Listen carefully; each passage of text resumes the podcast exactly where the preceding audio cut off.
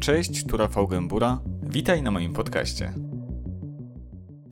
Byłam bita pięścią w twarz, w głowę, w brzuch, kopana butami w plecy i w głowę, bita kablem po nogach, przypalana papierosem w plecy i pośladki, związywana, duszona, polewana wrzątkiem i zimną wodą na zmianę. Y, To są Twoje słowa. To jest opis tego, jak y, wyglądało Twoje małżeństwo. Jak to się zaczęło? Na samym początku tej przemocy em, nie zauważałam. E, Przemoc fizyczna pojawiła się,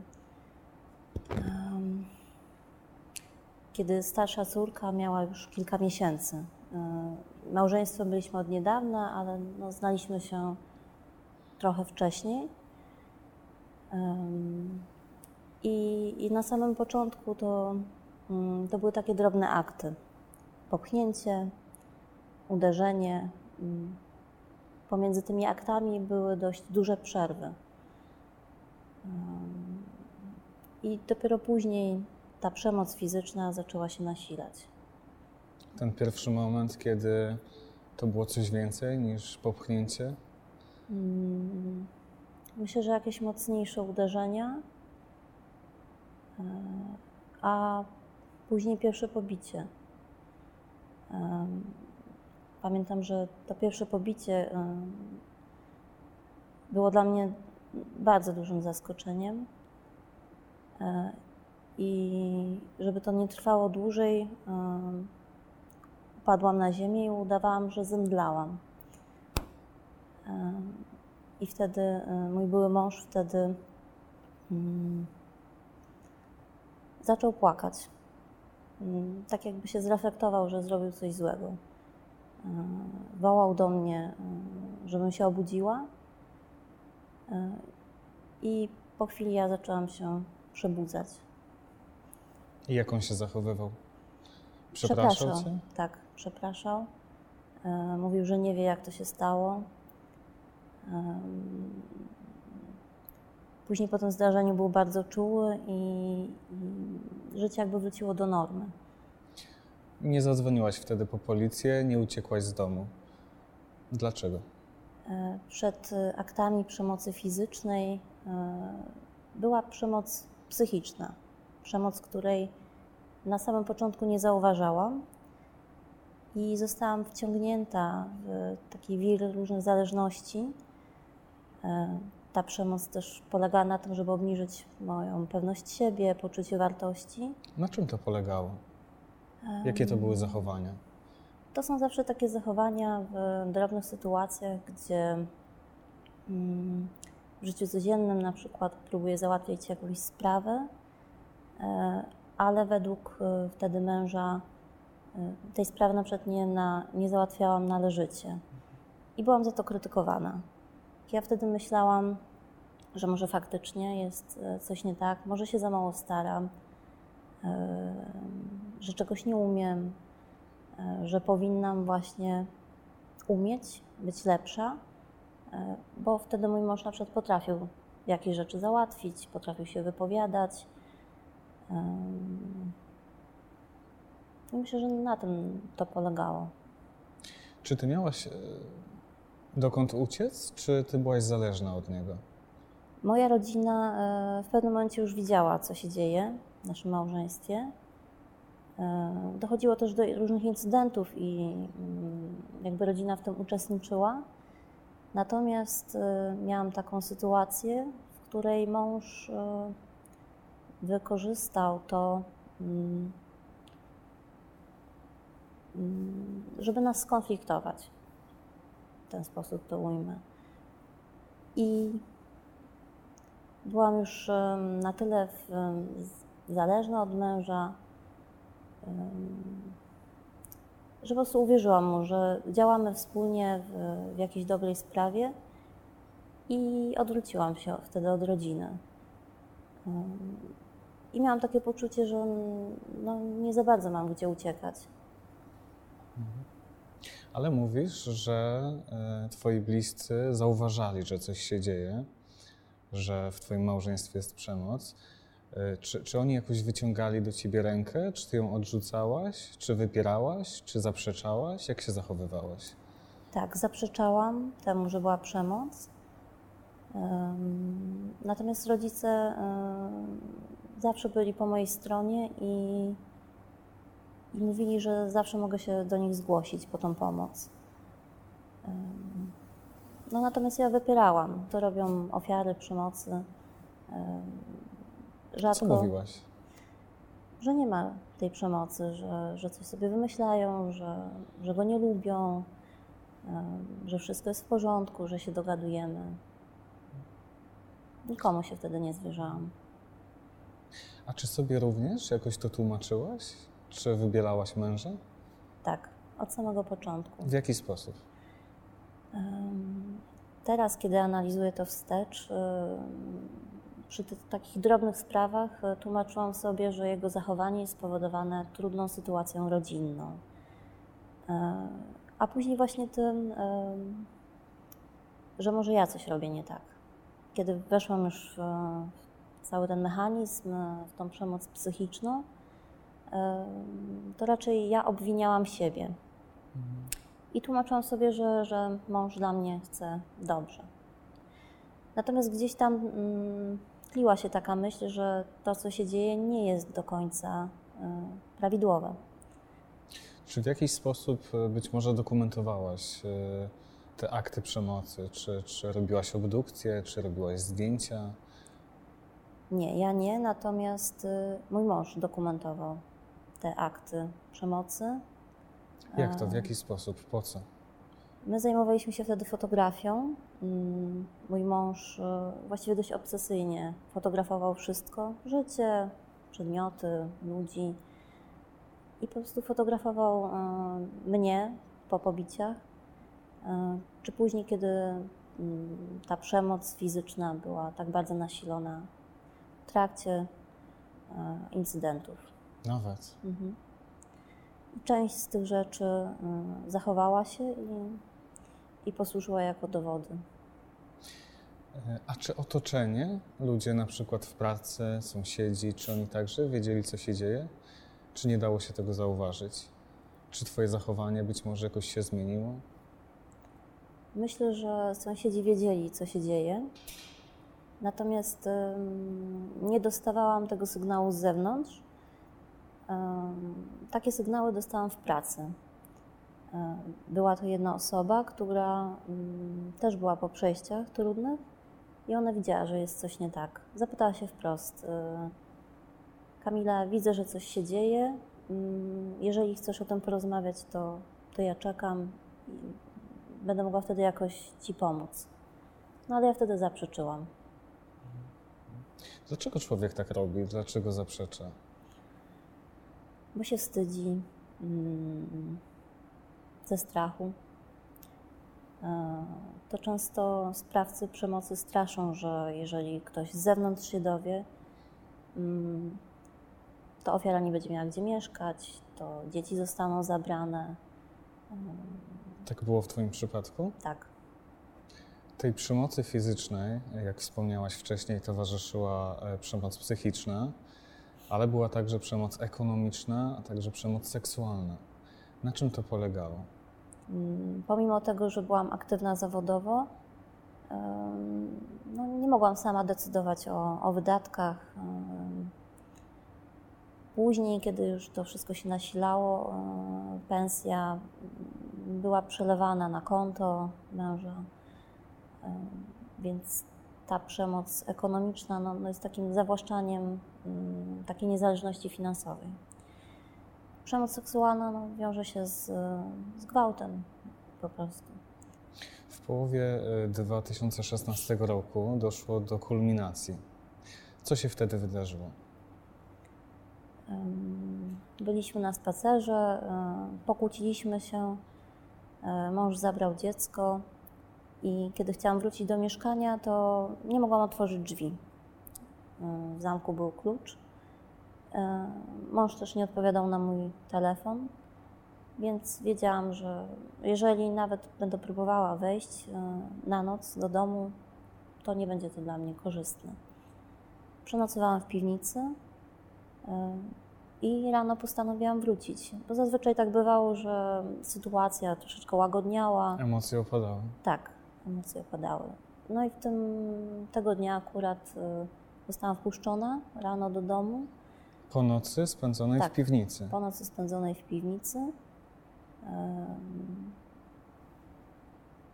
Drzwi zostały zamknięte, zabrany został klucz, moje okulary i praktycznie od wejścia zostałam. mm, Byłam okładana po prostu metalową pałką po, po nogach, po rękach, po głowie. Próbowano też po brzuchu, ale starałam się robić jakieś uniki. Po brzuchu, no właśnie. Mhm. Ty byłaś wtedy w kolejnej ciąży. Tak, byłam w ciąży z drugą córką w piątym miesiącu. E, Wtedy mąż wykrzykiwał, że, że nie chce tego dziecka. Mm, Pytał się, czy wiem, jak usunąć ciążę. Kiedy weszłam do mieszkania, wszystko było zdemolowane.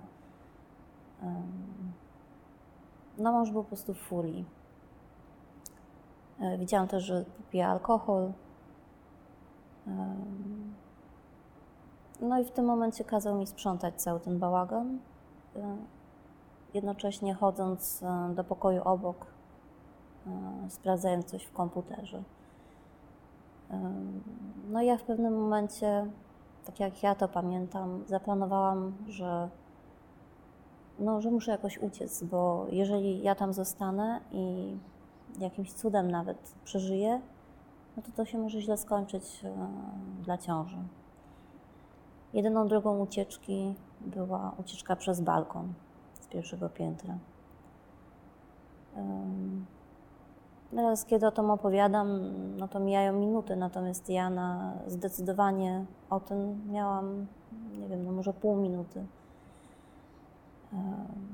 Więc tak jak ja to pamiętam, po prostu zagrodziłam kartonami drogę, szybko otworzyłam drzwi, miałam przy sobie jeszcze torebkę, którą na siebie założyłam.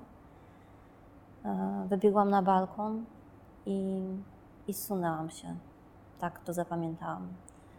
Człowiek w takich emocjach em, nawet nie widzi, kto jest wokół, czy na dole ktoś jest. e, Dodatkowo nie miałam okularów. e,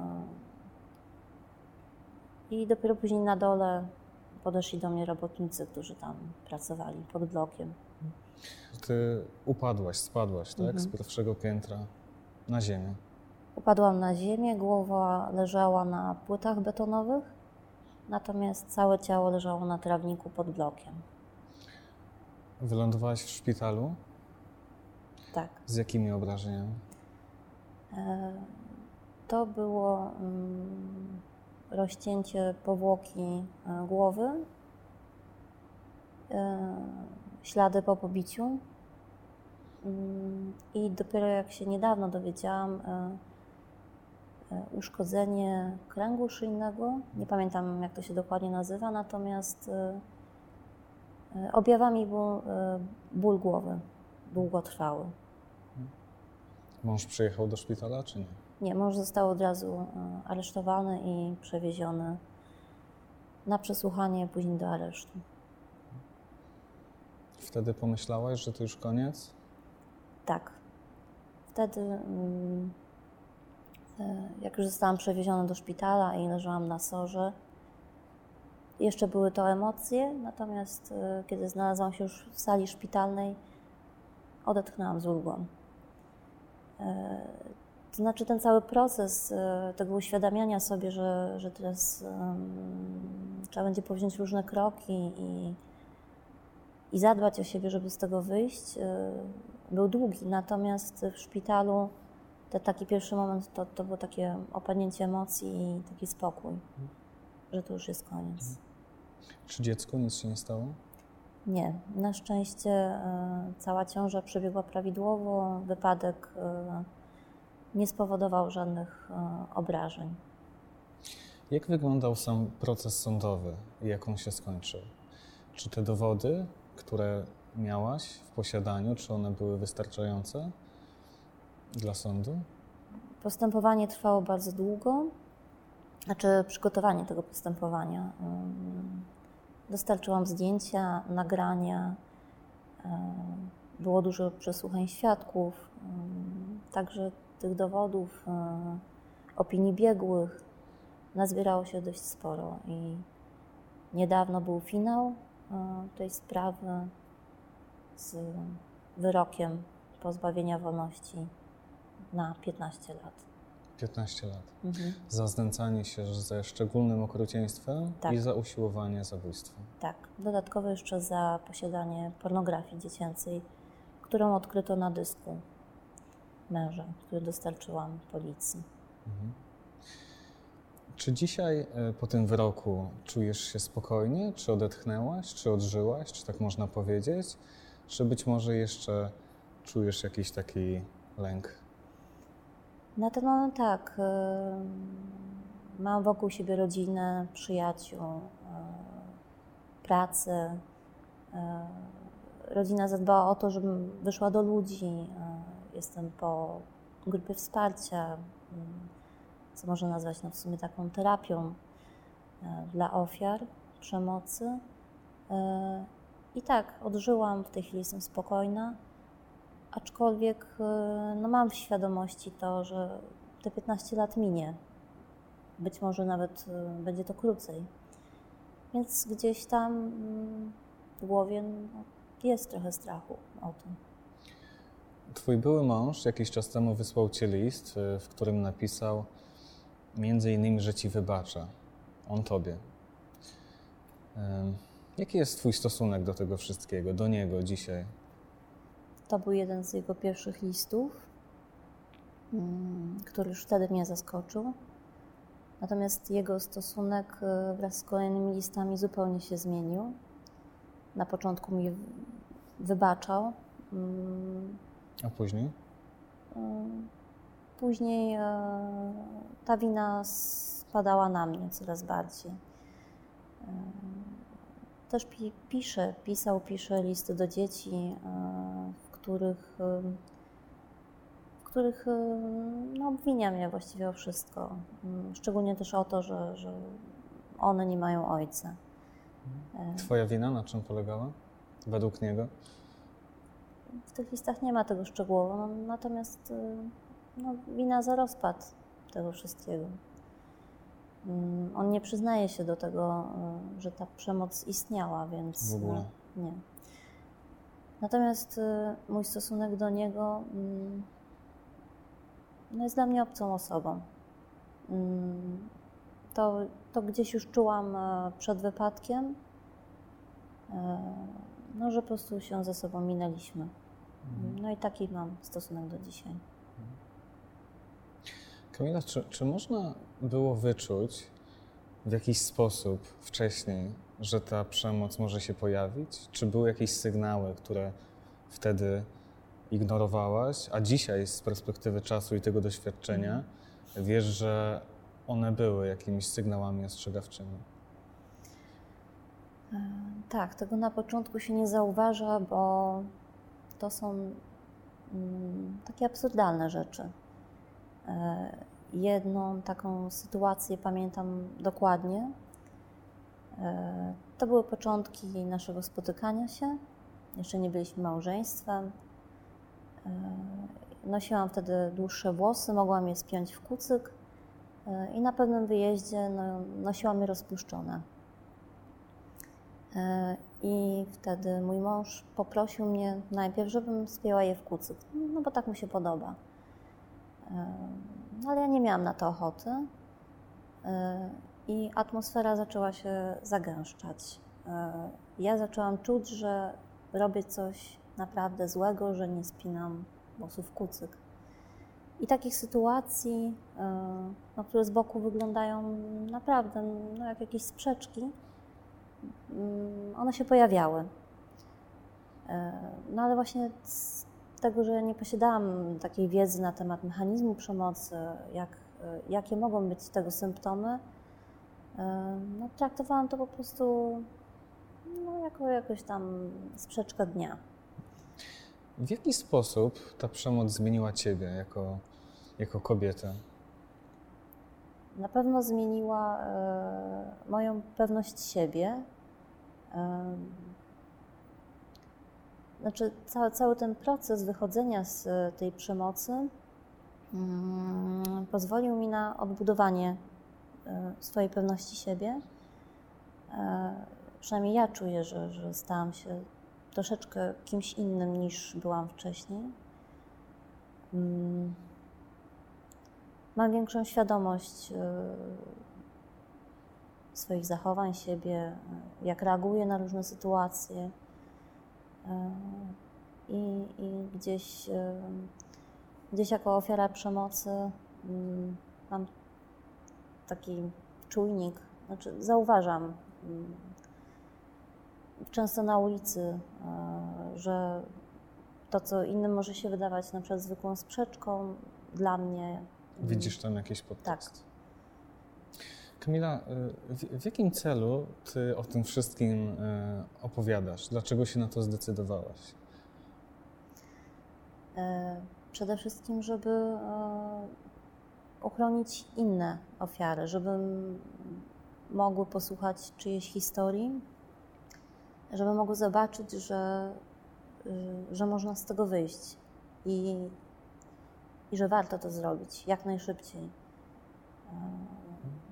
Bo tkwienie w, w przemocy mm, niszczy nas, niszczy dzieci. E, Im, Im dłużej zostaje się w takim związku, tym trudniej jest podjąć ten pierwszy krok. Bardzo dziękuję Ci za rozmowę. Również dziękuję.